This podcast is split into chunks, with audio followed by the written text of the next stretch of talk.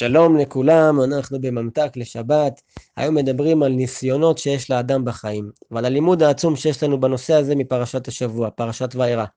אז נזכיר שאנחנו עכשיו בפרשות עוסקים בתקופה שבה עם ישראל משועבד במצרים, והנה בפרשה שלנו מתחיל לו תהליך הגאולה והשחרור של ישראל. והקדוש ברוך הוא באמת משתף את משה רבנו בתוכנית הגאולה האלוקית שממש הולכת להתחיל עכשיו, על עשרת המכות שבסופן עם ישראל הולך לצאת ממצרים לחירות ולהגיע לארץ המובטחת. אלא שאז קורה לו דבר מאוד תמוה בפרשה. הקדוש ברוך הוא מנחה את משה מה להגיד לפרעה, ופתאום רואים שתיאור הדברים לפרעה שונה לגמרי ממה שבאמת הולך לקרות. משה אומר לפרעה שעם ישראל בסך הכל רוצים לצאת אל המדבר דרך של שלושה ימים, כדי לעבוד שם את השם. זהו, איפה ההגעה לארץ המובטחת, איפה זה שהיציאה היא נצחית ולא רק זמנית. יש פה פער רציני ונשאלת השאלה, איך ייתכן שהקדוש ברוך הוא שחותמו אמת, אומר למשה להגיד לפרעה דברים שהם אינם נכונים. אז הרב שניאור אשכנזי מביא את התשובה הנפלאה של ההלשך הקדוש.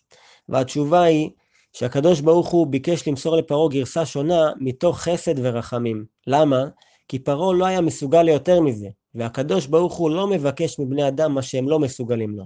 מה הכוונה? פרעה מפוצץ באגו, הוא מחשיב את עצמו לאליל, יש לו כוח עבודה של עבדים שמשרתים אותו כבר עשרות שנים. לבוא לאדם שנמצא בתפיסה שכזו ולבקש ממנו שישחרר את מיליוני העבדים שלו ולצמיתות, זה ניסיון שלפרעה אין יכולת לעמוד בו. וכיוון שכך, הקדוש ברוך הוא תופר לו פה ניסיון ברמת קושי שמתאימה בדיוק לרמה שבה פרעה באמת נמצא, לשחרר את עם ישראל לשלושה ימים בלבד. זה כבר ניסיון שלפרעה כן יש יכולת לעמוד בו. ולכן תיאור הדברים בפני פרעה משתנה, כדי לתת לו את אפשרות הבחירה בין הטוב לרע, שתואמת את היכולת והכוחות שלו. יש פסוק בתהילים שכתב אותו דוד המלך, והוא אומר, הנותן שלק הצמר. ועכשיו אנחנו כבר מבינים את המשמעות שלו, שבמשל, הקדוש ברוך הוא מוריד בעולם שלג, בדיוק לפי כמות הצמר שקיימת בעולם, ולא פתית אחד יותר. הכל מדויק ומדוקדק, בדיוק לפי רמת ההתמודדות שלנו. וזה מסר גדול וחשוב עבור כולנו בניסיונות שיש לנו בחיים. שני מסרים. אחד זה שאין הקדוש ברוך הוא מעמיד אדם בניסיון שאינו יכול לעמוד בו. כל ניסיון שמגיע לאדם תפור מראש למידות הספציפיות שלו, בצורה מדויקת, באופן כזה שבהכרח יש לו את היכולת לעבור את אותו ניסיון בהצלחה. שתיים, זה לדעת מה מטרת הניסיון.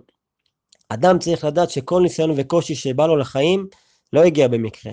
הניסיון מגיע עם תפקיד מוגדר ומדויק לאותו אדם, שבא ללמד את האדם הזה מסר מסוים.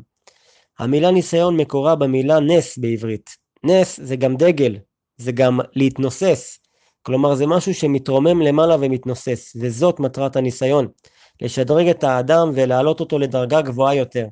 שהניסיון והקושי מעודדים אותנו להוציא מתוכנו כוחות, נסתרים שלא ידענו עליהם.